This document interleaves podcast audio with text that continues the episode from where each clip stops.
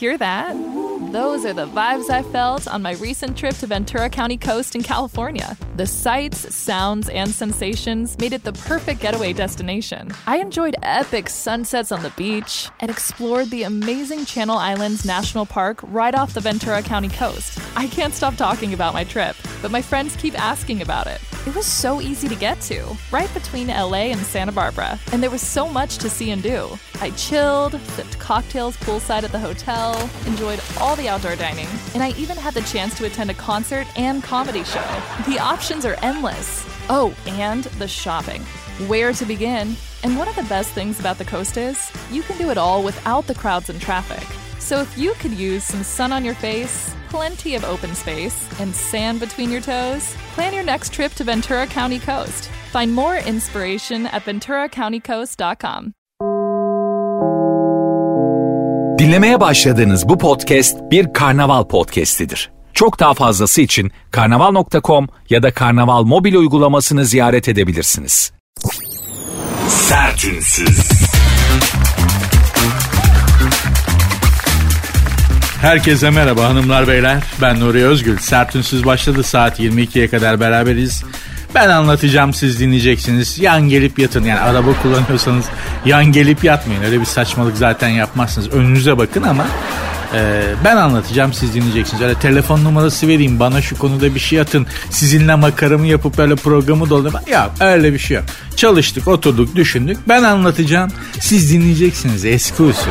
Nasılsınız? Çok önemli bir soru sormak istiyorum gerçekten. Nasılsınız? Nasıl gidiyor hayat? O kadar merak ediyorum ki nasıl olduğunuzu. Homojen bir kitle değilsiniz. Yani toplumun geneline bakıp bir sonuç çıkarmak doğru değil. Tek tek insanların nasıl olduğunu merak etmek bence çok önemli. Çünkü hakikaten hayatın içerisinde geçip giderken pek çoğumuz hani alış doğduk yaşıyoruz ve alışkanlık. Albert Camus öyle demiş. İnsan alışkanlıkla değil yaşamayı seçtiği için yaşar. Hayat böyle yaşam, hayat böyle anlam bulur demiş Albert Camus. Ha Albert Camus bir Fransız bir romancı, yazar, filozof. Onun lafını da dinlemek ne kadar önemli bilmiyorum. Yani ne kadar e, onun yolundan gitmek doğru bilmiyorum. Çünkü baba e, hayatını son vermiş. Allah işitenlerden uzak etsin ama bence cümle doğru. Doğduğumuz için mi yaşıyoruz yoksa yaşamayı seçtiğimiz için mi yaşıyoruz? Bu soruyu kendinize hiç sordunuz mu bilmiyorum. Nuri'cim bu saatte niye kafa açıyorsun demeyin. Bu saatler tam o saatler. Hayatın muhasebesini yaptığımız, biraz daha dinginleştiğimiz, sakinleştiğimiz, gündelik yaşamın hayhuyundan kurtulduğumuz saatler hayat üzerine kafa yormak, kendi hayatınızın üzerine kafa yormak, biraz muhasebe yapmak, hatta biraz kendi hayatınızın felsefesini yapmak, inanın hayatınızı daha da güzelleştirecektir. Yoksa böyle gelmiş böyle gider abi. Yani bu kafalarla yaşadığımız zaman ne oldu ya ben ne zaman 50 yaşına geldim 60 yaşına geldim falan diyoruz. Neden? Çünkü alışkanlıkla yaşadığımız. O yüzden yaşamayı seçtiğimiz için yaşarsak inşallah her şey güzel olur. Açılışta programın açılışında kafa açtığımın farkındayım ama onca ebelep gübelep içerisinde biraz böyle ciddiye aldığım önemli olduğunu düşündüğüm konuyu sizle paylaşmak istedim. Yoksa birazdan makaramızı yapacağız. Sıradaki mevzu Nusret'in kol saati. yani boş da yapacağız hiç merak etmeyin. Akünün suyunu da boşaltacağız hanımlar beyler. Saat 22'ye kadar benimlesiniz. Bendesiniz, bana emanetsiniz. Kendinizi bana teslim edin, bana bırakın ve kasmayın. Onun dışında top bende hiç merak etmeyin. Hayata güzel bir iki saatlik mola verin. Kiminiz kimseniz varsa da söyleyin. Saat 10'a kadar Nuri'yleyim. Senle uğraşamam. Kalk çayını kendin koy. Kalk yemeğini kendin ısıt falan. Yemeğini kendin ısıt olmadı. O biraz sert oldu. Aman işte saat 10'a kadar Nuri, Nuri ile takılacağım. Bana ilişmeyin deyin. Ben saat 10'a kadar günün günlerin ve gündemin bünyenizde biriktirdiği negatifi alıp yerine bir miktar da olsa pozitif vererek sizleri rehabilite etmeye çalışacağım. Programın Instagram ve Twitter adresleri de var. İlla da ben sana ulaşacağım bir şeyler söyleyeceğim demek istiyorsanız ki bu mümkün. Programın Instagram ve Twitter adresleri zaten aynı. Sert unsuz yazıp sonuna iki alt tire koyuyorsun. Sert unsuz yazıp sonuna iki alt tire koyuyorsunuz. Benim Instagram adresim de var. Nuri Ozgul 24. Nuri Ozgul 24. Hadi başladık bakalım. Sertünsüz. Hanımlar beyler az önce programın açılışında işte Albert Camus hayat, yaşamak, hayatın felsefesi falan deyip biraz fazla kafa açmış olabilirim. Derhal mevzuyu makara kukaraya bağlıyorum. Nusret Gökçe'nin servet değerinde kol saati. 1 milyon dolara yeni bir saat almış Nusret Gökçe. 1 milyon dolar bir tane saat alıyorsun koluna takıyorsun şıkır şıkır. 1 milyon dolar saat de saate benzese çok özür dilerim yani saat de saate benzese diyeceğim ki evet 1 milyon doları ver baba. Lan saat de saate hakikaten benzemiyor be kardeşim. Buna mı bir milyon dolar verdin babacım ya? Ha? Ya bunun gibi bense benim bana sünnetimde taktıkları saat şimdi Türkiye'de satılmıyor markasını söyleyebilirim. Violux rahmetli amcamın taktığı Violux saat fosforlu yeminle daha güzel bundan ya Nusret'cim. Çok özür dilerim ya biraz da hani Sadece isme para verilmez ki. Zaten babanın Nusret'in yani toplam saat koleksiyonunun değeri ne kadarmış burada yazıyor 39 milyon TL. Babanın bütün saatleri 39 milyon TL tutuyor. Yani saat koleksiyonunun yarısını bana verse 7 sülalemin hayatı kurtulacak. Ama gelin görün ki söyleyecek laf var mı? Herhangi bir söz etmeye de hakkımız var mı? Yok. Baba satmış, kazanmış, alıyor. Kime ne ayrı ama ve düşünün bunu bu adam sadece et satarak yaptı. Yani hani ben bizim kasap Vehbi abiyi biliyorum. Yani 50 senedir et satıyor. Kolun, kolundaki saat işte o şey dijital saatler var ya askere giderken alırız. Hani çalınırsa da canım acımasın. Bir para etme. Ha. Vehbi abinin kolundaki saat o babacım sen nasıl bir et sattın ya? Demek ki et satmaktan et satmaya da fark var değil mi? İşte örneğini veriyorum ya benim aile kasabımız yani. Bildim bileli eti aldığımız Vehbi abim. Sarıyer'de hala o dijital bilip bilip bilip diye böyle saçma sapan zamanlarda öten garip bir saati var. Demek ki demek ki iş sadece satışta değil nasıl sattığınla da alakalı. Bu arada Nusret Gökçe'yi tebrik ederim. Güzel 1 milyon para verip bir tane saat alacak kadar da volümlü bir iş yapmış. Öyle bir iş kolu kurmuş. Vallahi bravo. Helal olsun. Bana versen iki günde işi batırır. Yani etleri zaten ben yerim satacak et kalmaz. O da ayrı bir mevzu ama Nusret'çim Zengin bir adam olabilirsin, başarılı bir adam olabilirsin ama iş adamı değilsin. Kusura bakma çünkü gerçek iş adamı 1 milyon doları bir saate bağlamaz. Yani milyar dolarları da olsa 1 milyon dolar verip koluna o saati takmaz. Gerçek iş adamı ki ben gerçek iş adamlarıyla tan- tanıdım. Gerçek tüccarları tanıdım, tacirleri. Rahmetli Moiz amcaydı biri. Sirkeci'de yedek parçacı dükkanı vardı. Kısa bir süre yanında çalışmıştım. Ondan öğrendim. Gerçek iş adamı şekil şukul mu yapacaksın abi? Değil mi? Güzel birinci sınıf replikayı alırsın koluna takarsın. Birinci sınıf replikayı. Baktığı zaman kimse sahte olduğunu. Gerçek iş adamı bunu yapar bunu yapıyorlar zaten. Gerçekten bak. Hani milyar dolarlık iş adamı koluna bir milyon verip abi o parayla adam iş kur. Fabrika kurar ya bir milyon dolara. İş adamı bir milyon dolar verip koluna saat takmaz. Yok öyle bir şey. Ha nedir? Mesela ben Türkiye'nin en önemli tişört ihracatçılarından birinin yanında da çalışmıştım okurken. Baba kendi diktiği 5 liralık tişörtleri nakışçıya yollayıp en ünlü markaların logolarını işletiyordu sol tarafına. Onları giyiyordu. Vay diyorsun lan bu tişörtün tanesi bilmem kaç lira. Yok be kardeşim. baba kendi üretiyor. Güzel 5 liraya 10 liraya mal ediyor. Nakışçıya da yolluyor. En baba markaların logolarını işletiyor. Giyiyor şekil şukul yapacağı zaman onu giyiyor. Budur ama. İş adamı budur. İş adamlığı budur. Tacirlik budur. Yoksa 1 milyon doları vereceksin. Ah, baba tamam eyvallah. O senin çok paran var demektir. İşe zenginsin demektir. Allah daha çok versin. Ne saatinde ne paranda gözümüz yok. Et, sattığın etlerde gözümüz var. Dükkan önünden bile geçemiyoruz. çok pahalı. Değil mi yani hani dana sürüsü fiyatına pirzola satıyorsun baba dükkanın önünden geçerken hani korkuyoruz arkamızı dönerek geçiyoruz aman falan filan diye. Oraya da giremedik. Diyeceğim hanımlar beyler siz bakmayın böyle bir milyon dolar verip saat alanlara. Gerçek iş adamları, gerçek tüccarlar, para, parayı çalıştırmayı bilen adamlar öyle masraflara girmezler. Biliyoruz da konuşuyoruz. Tanıdık bu adamları. Yatırımın kolay yolu Akbank yolu. Yepyeni hisse mobil uygulamalarından döviz alarmlarına, gümüş ve platin işlemlerinden enerji, sağlık ve teknoloji fonlarına yeni nesil yatırım araçlarını kolayca keşfet. Detaylar akbank.com'da. Sertünsüz. Ya önemli bir konuda hanımlar beyler sertünsüz devam ediyor. Önemli bir konuda sizinle derdimi paylaşmam. Bir derdim var da. Derdim evdeki televizyon kumandası arkadaşlar. Ya babam annemle babamın evindeki televizyon kumandası. Ya ne zaman gitsem babamdan şöyle bir geri şey alıyorum. Geri dönüş değil de şöyle bir şey duyuyorum. Nuri efendim baba gel buraya bir dakika. Buyur babacığım. Bu kumandaya bir şey oldu bir baksana. Ya kumandaya da kumanda demeye zaten yani bin şahit lazım. Annenizin babanızın kullandığı televizyon kumandalarına dikkat edin. Onların çektiği zulmü televizyon kumandasının çektiği zulmü hiçbir dijital alet ve onun parçası çek. Ya o, o kumandalar var ya yarın öbür gün ahirette hani şey e, sorumlulukları olsa var ya hep, hepimizden davacı olurlar o, o kuman. Bir kere hepsinin pil kutusu o pil kapağı kayıp. Düşmekten zaten ağzı burnu bir tarafa çıkmış. Kuvvetli basılmaktan hani valideyle peder basıyor almıyor basıyor almıyor daha çok abanıyorlar. Düğmeler içeri kaçmış. Bir de o kumandanın nerelerine nasıl basıyorsa kumanda kumanda etmiyor. Televizyondan bir tepki alamıyorsun. ya, ya baba bu kumandaları hangi tuş kombinasyonuyla bastın ki bu televizyon bu hale geldi? Ben çünkü ona geri aynı bastığının gerisine basıp aynı kombinasyonu geriye doğru takip ederek aktif hale getirmem lazım. Öyle bir tuş kombinasyonu yok.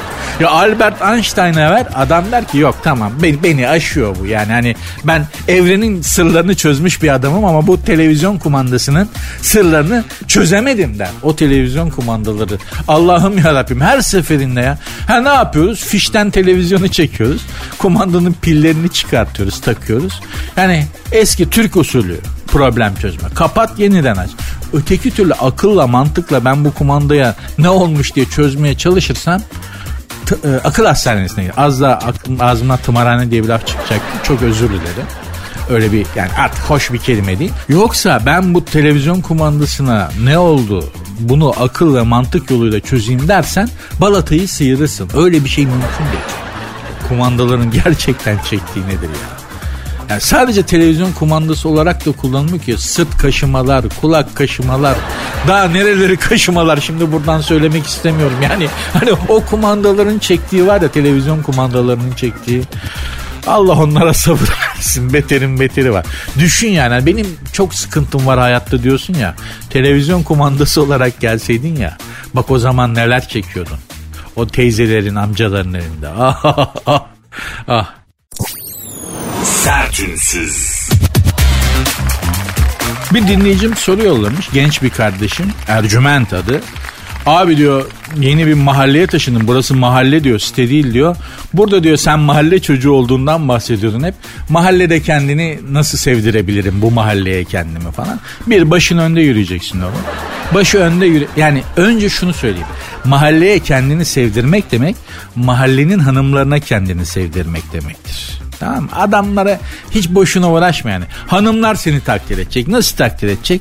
Bunun yol birinci yolu şu. Önüne bakarak yürüyeceksin sokakta. Efendi çocuk derler. tamam mı? Biliyoruz oğlum bu yollardan geçtik. Dinle. Aa ne efendi çocuk bak hiç başını kaldırmadan yürüyor derler. Abi çok saçma. Değil evladım dinle psikolojiyi biliyorum. Sana saçma geliyor. İkincisi işinden faydalandıracaksın. Yan kom e, yakın komşularından başlayarak. Mesela ben ne yaptım? Ben televizyon ve radyo dünyasında olduğum için bir gün mahalledeki bütün hanımları Esra Ceyhan'ın televizyon programına, e, Kanal D'deki televizyon programına stüdyo seyircisi olarak yolladım. Pro, konuk koordinatörü arkadaşımdı. Dedim ki ya bugün ben mahalledeki bütün hatun, hatunları yollayacağım. Stüdyo, stüdyo konuklarım bizim mahalleden olsun. Olur mu? Ay çok dua ederim. E, stüdyo konuğu bulmakta çok zorlanıyorum dedi. Katılımcıdırlar dedi. Dedim yani Mevlid performanslarını biliyorum. Çok katılımcıdırlar. Yani Mevlid'de gözyaşları sel oluyor. Bunu stüdyoda da şey yapabilirler. Hiç merak etme dedim. Abi mahalledeki hatunların hepsini Esra Ceyhan da o zamanlar rüzgar gibi esiyor. Fırtına gibi esiyor. Büyük rüzgarı var. Bilirsiniz şimdi televizyon dünyasından uzak. Esra Ceyhan'a bayılıyor bütün kadınlar. Hayat duruyor. Onu seyrediyorlar böyle sürekli. Öğlen kuşağında. Mahalledeki hatunları Esra Ceyhan'ın stüdyo programına stüdyo konuğu olarak yolladı. Bir buçuk ay kadar yemek pişirmedim. Bak öyle söylüyorum. bir yemek pişirmedim. Çamaşırımı yıkamak istediler dedim gerek yok. Abla ablacım falan. 10 senedir hala rüzgarım var. Bunu yaptım. Bak 10 senedir hala rüzgarım var mahallede ya. Diyorum yani kadınların gözünde böyle şey e, Herkül gibi, Aşil gibi bir şey oldum ya. Bayıldılar. O kadar hoşlarına gitti ki. Çünkü çok dokunmak istedikleri ve onlara çok uzak olan bir kadını onların gözünde çok önemli olan bir kadınla onları bir araya getirdim. Neden? İşim yüzünden. Dolayısıyla da işinden faydalandır senden bir fayda elde etsinler yani. Böyle sevdirebil. Ben hala bak hala bana talep geliyor. Ay bizi şuraya gönder buraya gönder şu gönderiyorum. Gönderiyorum ama ne mahallede kralım oğlum. Kimse benim evin, evin önüne araba çekemiyor mesela. Mahallede otopark krizi var, park krizi var. Bak gel benim evin önü bomboştur. Neden? Çünkü yengelere şikayet ediyorum. Ablacım ya evin önü şey oluyor falan filan. Aa tamam evladım tamam Nuri'cim ya. İşi bileceksin. İşi bileceksin. Kadın ruhuna, kadın mantığına her kadının kendi dünyası var. O dünyaya göre hitap etmeyi bileceksin. Programın Instagram ve Twitter adreslerini hatırlatayım. Sert unsuz yazıp sonuna iki alt tere koyuyorsunuz. Sert unsuz yazıp sonuna iki alt tere koyuyorsunuz. Benim Instagram adresim de var. Nuri Ozgul 24. Nuri Ozgul 24. Sertünsüz. Sert Ünsüz devam ediyor hanımlar beyler. Bir Ukraynalı hanım biliyorsunuz Ukrayna-Rusya savaşı var. Ee, gönüllü olarak Ukrayna ordusuna katılmış ve orada bir Ukraynalı askere aşık olmuş. Gelinlik giymiş cephede ateş altında ve e, işte enişte kamuflajda hanımefendi gelinlik üstüne kamuflaj giymiş falan. Böyle bir e, fotoğrafı var. E, Putin duymasın diye de başlık atmışlar. Yalnız fotoğrafa bakıyorum e, yengeye bakıyorum. Rus kadını çok bozulmuş be. yani gerçekten hani eski Bye. Ben eskiden de gerçi beğenmezdim Rus kadınlarını. Hiçbir zaman tipim olmamıştır Rus kadını. Hepsi dünya ahiret bacım olsun. Bak ne kadar Rus, Ukraynalı hanım varsa hepsi dünya ahiret bacım olsun. O kadar benim güzellik ve estetik e, anlayışıma uzaktırlar. Ben de onlara uzak olayım yani hiç e, alakam olmasın mümkünse. Hatta arkadaşlarım çok şaşırırlardı. Önce inanmazlardı şekil karizma yaptı hani falan. Sonra gerçekten böyle e, hissettiğimi anlayınca çok şaşırırlardı. Nuri'cim önemli olan ruh güzelliği değil Rus güzelliği diye. Hatta beni ikna etmeye çalışan çok arkadaşlarım oldu. Eh abi ben ısınamadım. Isınana mübarek olsun. Ama fotoğrafa bakıyorum. Şöyle söyleyeyim ya ben bu gelin hanımdan daha güzelim. Öyle söyleyeyim yani hani Ukraynalı Rus kadının güzelliğinden bahsediliyor ya. Bozuldu dediğim o yani. Şimdi yengeye bakıyorum. Ya Allah mutlu mesut etsin kocasıyla bir ömür Allah muhabbetlerini arttırsın da. Vallahi ben daha güzelim ya.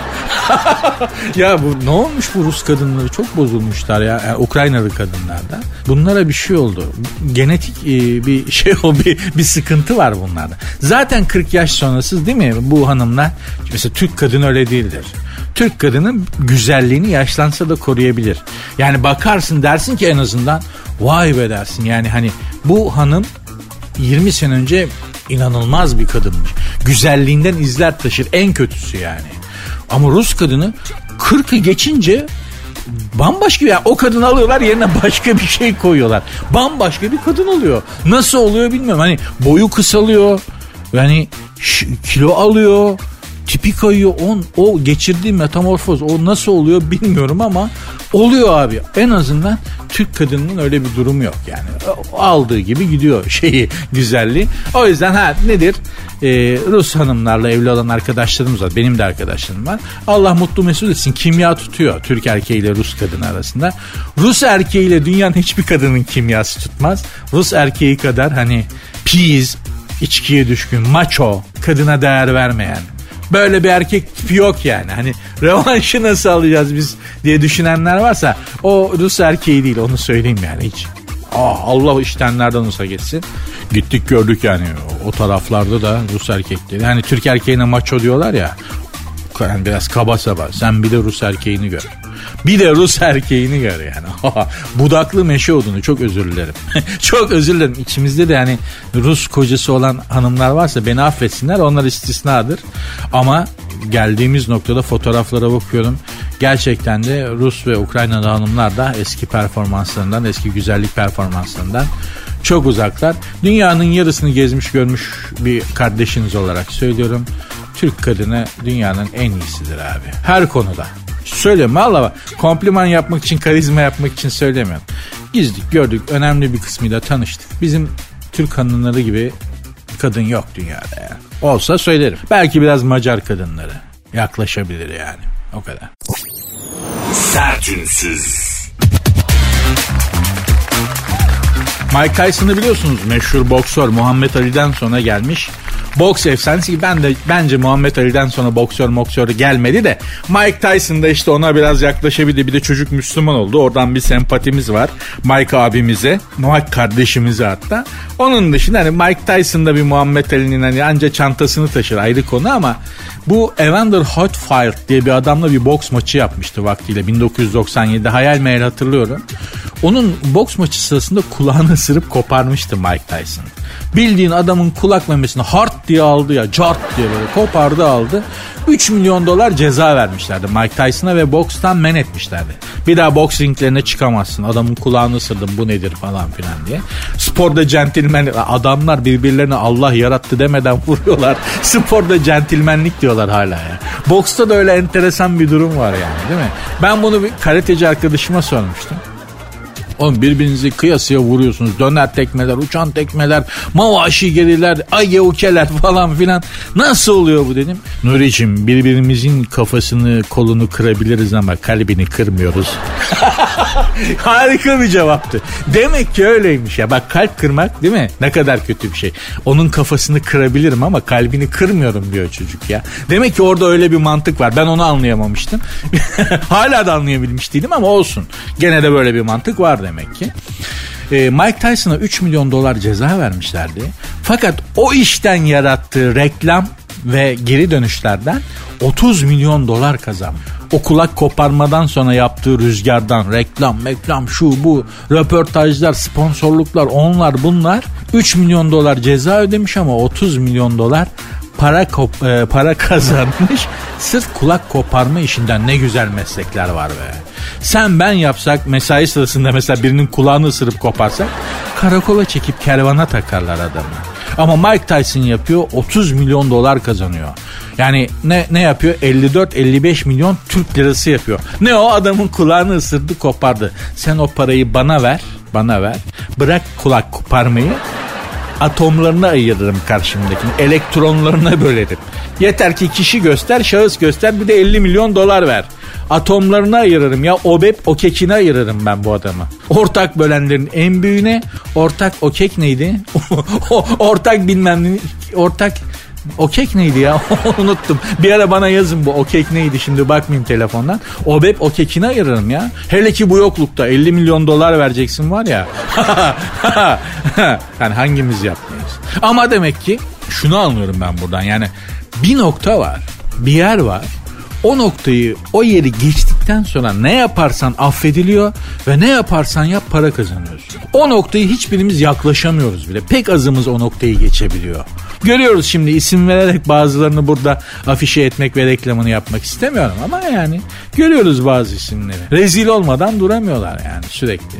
İşte o nokta bedel ödenen bir nokta. Belki kendinden, karakterinden taviz veriyorsun ama işte ne yapsan para oluyor. Tercih meselesi. İster miydiniz o noktayı geçmek? Sertünsüz. Kendall Jenner hanımlar beyler ünlü fotomodel manken hanımefendi hayır demeyi öğrenmem lazım demiş. Yaş 27 çok geç kaldın Kendall. yani hayır diyememekle 27 yaşına geldiysen ve hayır diyememişsen Of of senin başından neler geçmiştir be Kendall'ım. Ama hayır demek bir sanattır hanımlar beyler. Evet'i bakınız evet sözcüğünü herkes söyler. Ama hayır, hayır her baba yiğidin harcı değildir. Hayır diyelim ama nasıl diyelim bu da önemli. Yani şimdi hayır demenin kursu var ya kitapları var. Yani hayır demeyi öğrenmek için insan insanlar kişisel gelişim kurslarına gidiyorlar. Kitaplar alıyorlar, okuyorlar, öğrenmeye çalışıyorlar. Hayır demek bir sanat. Ben Allah şükür bugüne kadar hiç gerek duymadım bunu öğrenmeye. Hayır dedim mi bitmiştir bende. Yani en başından beri hayır diyebilmiş biriyim. Annem babam da beni buna biraz yönlendirdiler belki. Hayır dememe izin verler. Çocukluktan gelen bir şey ama hayır diyemeyen insanların gerçekten hayattaki ızdırapları çok büyüktür. Ve hayır demek tekrar tekrar söylüyorum bir sanattır. Tonlamasından söylediğiniz yere kadar. Yani öyle bir hayır dersiniz ki kimse sallamaz o hayırı. Öyle bir tonlamanız gerekir ve öyle bir duruş, öyle bir beden diliyle birleştirmeniz gerekir ki hayırı Aa bu istemedi ya bu hayır dedi. Yani dedirtmeniz lazım karşısına. Yoksa hayır hani bir de şey var hani hayır hayır hayır yani böyle cilveli bir hayır da olmaz. O hayırın yeri başka. O evet demek de o hani mesela şey var ya hani kadınlar hayır dediği zaman bile evet demektir gibi büyük bir yanılgı var ya erkek dünyasında. O başka hayır oğlum. O bütün hayırlar için geçerli değil o. Kadından öyle bir hayır falan yaptıkları bir yer var. O o orası o. Saçmalama bütün hayırlar evet anlamına gelmez kadın dünyasında. Kadınlar da hayır dediği zaman hayır derler yani. Hem de çok sağlam derler. Galiba Yılmaz Erdoğan'dı. Yanlış hatırlıyor olabilirim. O şey demişti. Ben kabul ettiğim işlerle değil reddettiğim işlerle büyüdüm. Demişti ki gerçekten de doğrudur. Evet dediğiniz şeylerle değil, hayır dediğiniz şeylerle büyürsünüz. O kadar önemlidir hayır demek. Allah doğru zamanda, doğru yerde, doğru tonlama ve duruşla hayır demeyi hepimize nasip etsin inşallah. Sertünsüz. Fransa'da %6,5 enflasyon olunca ahali sokağa dökülmeye başlamış. Protesto gösterileri başlamış. E, Macron kendine gel ne oluyor bu pahalılık bu %6,5 enflasyon nedir? Nedir bu zulüm diye Fransızlar sokağa çıkmaya eylem koymaya başlamışlar. Bizdeki enflasyon yüzde seksen mi resmi olarak yani hissedileni bilmiyorum da. Şimdi dezenformasyon yasası da çekti. Ee, Dolayısıyla yanlış bir şey söylemeyeyim ama yüzde altı buçuktan daha fazla değil mi bizdeki enflasyon? En azından bu ha. Yani bizdeki enflasyon bunlarda olsa Fransa'da olsa Öteki ülkeleri bilmem yani İngiltere, İtalya, Almanya onu bilmem ama bizdeki enflasyon Fransa'da olsa Fransızları çok iyi tanıyan biri olarak konuşuyorum. Paris'i yakarlar. Macron'u giyotine yollarlar. Rejimi değiştirirler. Adamların zaten şimdi kaçıncı? Üçüncü cumhuriyet mi? Dördüncü, beşinci mi? ya sürekli cumhuriyet kuruyor adamlar. Neden? İşte kafaları bir şeye bozuluyor. Deviriyorlar hükümeti. Rejimi değiştirip bambaşka ancient rejim, eski rejim. Birinci cumhuriyet, ikinci cumhuriyet. Bir sürü cumhuriyet kurmuş herifler. Böyle bir ruh hastası bir şey bu Fransızlar. Bizim gibi değillerdir bu Fransızlar yani. Canları tatlıdır. Hemen isyan ederler. Bizim gibi tevekkül sahibi insanlar olmadıkları için de ikide bir böyle ayaklanırlar, rejim değiştirirler. Ortalığı yakıp yıkarlar. Bir, zannediyorum anlatmıştım ama bir kere daha anlatmamda fayda var. Tarım iş domates üreticilerinin bir eylemine şahit olmuştum ben Paris'te. Allah Allah. Allah Allah. Ben dedim ki yani bunlar herhalde şey yapıyor yani terörist bir eylem yapıyorlar. O kadar sert polise ve ahaliye ya ahaliye daldılar ya.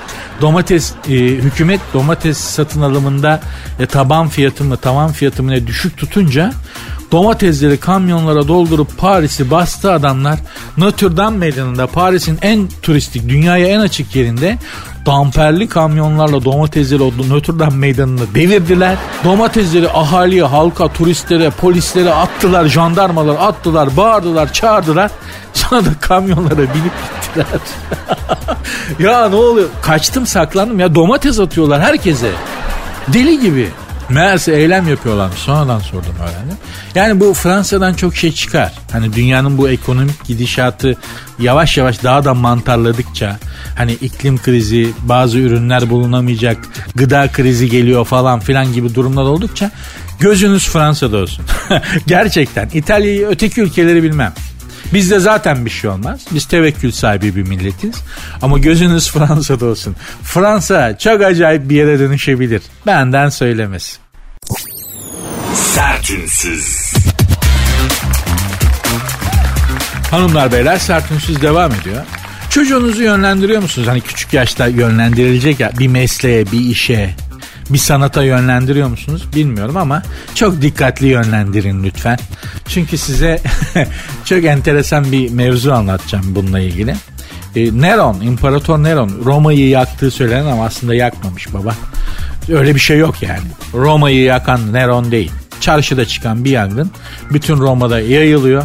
Hatta Neron o sırada Roma'da bile değil Roma dışında bir yerde baba kendi malı mülkü bile yanıyor Roma'daki özel mülkleri İmparator Nero'nun. Öyle hani Roma'ya bakarak lir çaldı, şarkı söyledi, Roma'yı yaktı, üzüm yedi seyredir öyle bir şey yok. Günahını alıyorlar ama Neron çok gerçekten anası tarafından yazık edilmiş bir çocuktur. Şimdi size onu anlatacağım. Dominant ananın güç yaşattığı, evlada yaşattığı güçlükleri ve dünya tarihini nasıl değiştirdi. Çok enteresan bir hikayedir. Özellikle yönlendirilecek yaşta çocuğu olan analar iyi dinlesinler. Çünkü bazen ben görüyorum ya çocukta hiç çocuk kalas gelmiş dünyaya. Yani kalas gelmiş dedim hiç yetenek yok. Benim gibi. Ne müzik, ne sanat, ne spor, ne şu ne bu yok. Allah öyle yaratmış. Belki hani matematik bir zekası vardır. İyi bir mühendis olur, iyi bir matematikçi olur, bir şey olur onu bilemem. Ama hani ince işlere yatkın değil olan ya da kız. İlla eline gitar veriyorlar, keman veriyorlar. Kursa. İyi, baleye gönderiyorlar kütük gibi çocuğu ya. ya ya yapmayın bunu. Allah aşkına. Yani senin çocuğun illa dahi olacak diye bir şey yok. Tamam kirpi bile yavrusunu pamuğum diye severmiş ama olsun o kadar değil çocuğu zorlamamakta fayda var. Bak Neron'u zorlamış anası. Neye zorlamış? Şimdi e, Agrippia bunun anası e, oğluna oğlu da Neron kocası ölünce kocasının da nasıl öldüğü çok şüpheli. Agrippia çok güzel bir kadın ama. Hani bütün Roma'nın aklını almış kadın güzelliğiyle. Evli. Oğlu da var Neron. Kocası ölünce kocasının da nasıl öldüğü dediğim gibi şüpheli imparatorun aklını alıyor. Hanımefendi etkiliyor yani imparatoru ve imparatorla evleniyor. Roma imparatoruyla. Ve Neron oluyor mu sana imparatorun üvey oğlu? İmparator da diyor ki benim oğlumu veliaht yap. İmparator da diyor ki benim öz çocuğum varken niye üvey oğlumu veliaht yapayım? Diyor. Aa bunu der demez ertesi gün imparator ölüyor. Zehirli mantar yedirmiş kadın. İmparatora. Oğluyla beraber kadını şey imparatoru dört kolluya bindiriyor. Ne kolluyor abi ortada Roma tahtının varisi tek? Bizim Neron. Diyorlar ki hadi tahta geç Neron. Neron'un da hiç bu işlerle alakası yok. İkide bir anne yapma, anne etme, ne olur anne ben istemiyorum falan dese de hayır sen imparator olacaksın falan diyor. Neron'u tahta geçiriyor abi. Meşhur Cicero adını duymuşsunuzdur. Filozof ve devlet adamı. Cicero, Agrippia bir de bir adam da. Zaten bu Neron gencecik çocuk. Bunu ellerinde topaç gibi çevire çevire Roma İmparatorluğunu yönetmeye çalışıyorlar. Peki Neron'un derdi ne? Hayali ne? Tiyatrocu olmak. Sahneye çıkmak. Neron biraz büyüyor, serpiliyor tahta, affedersin.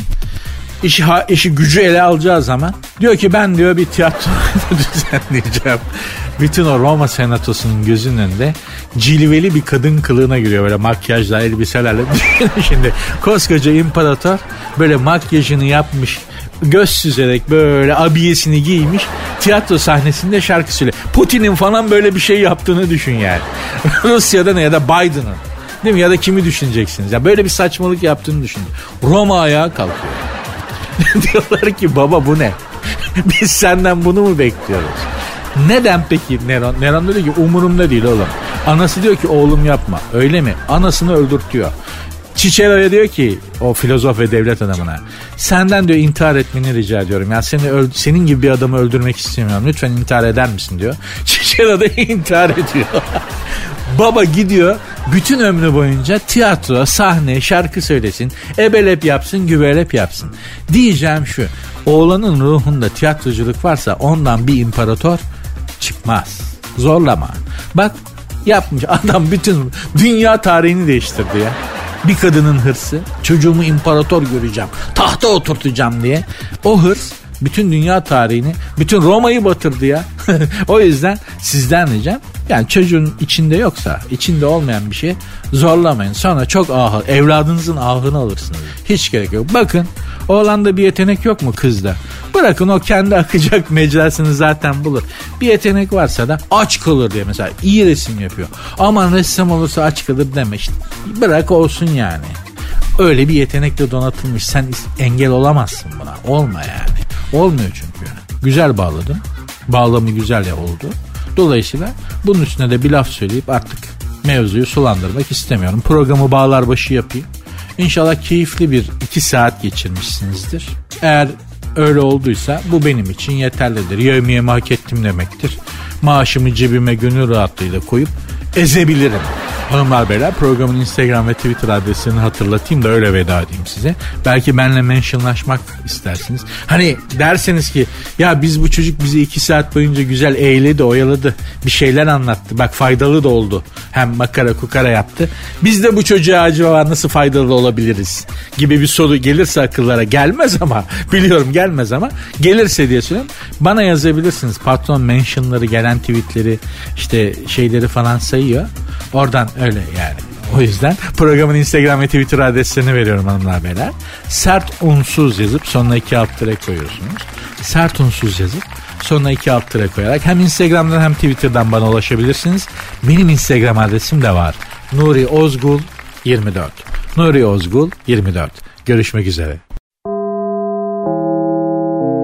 Dinlemiş olduğunuz bu podcast bir karnaval podcastidir. Çok daha fazlası için karnaval.com ya da karnaval mobil uygulamasını ziyaret edebilirsiniz.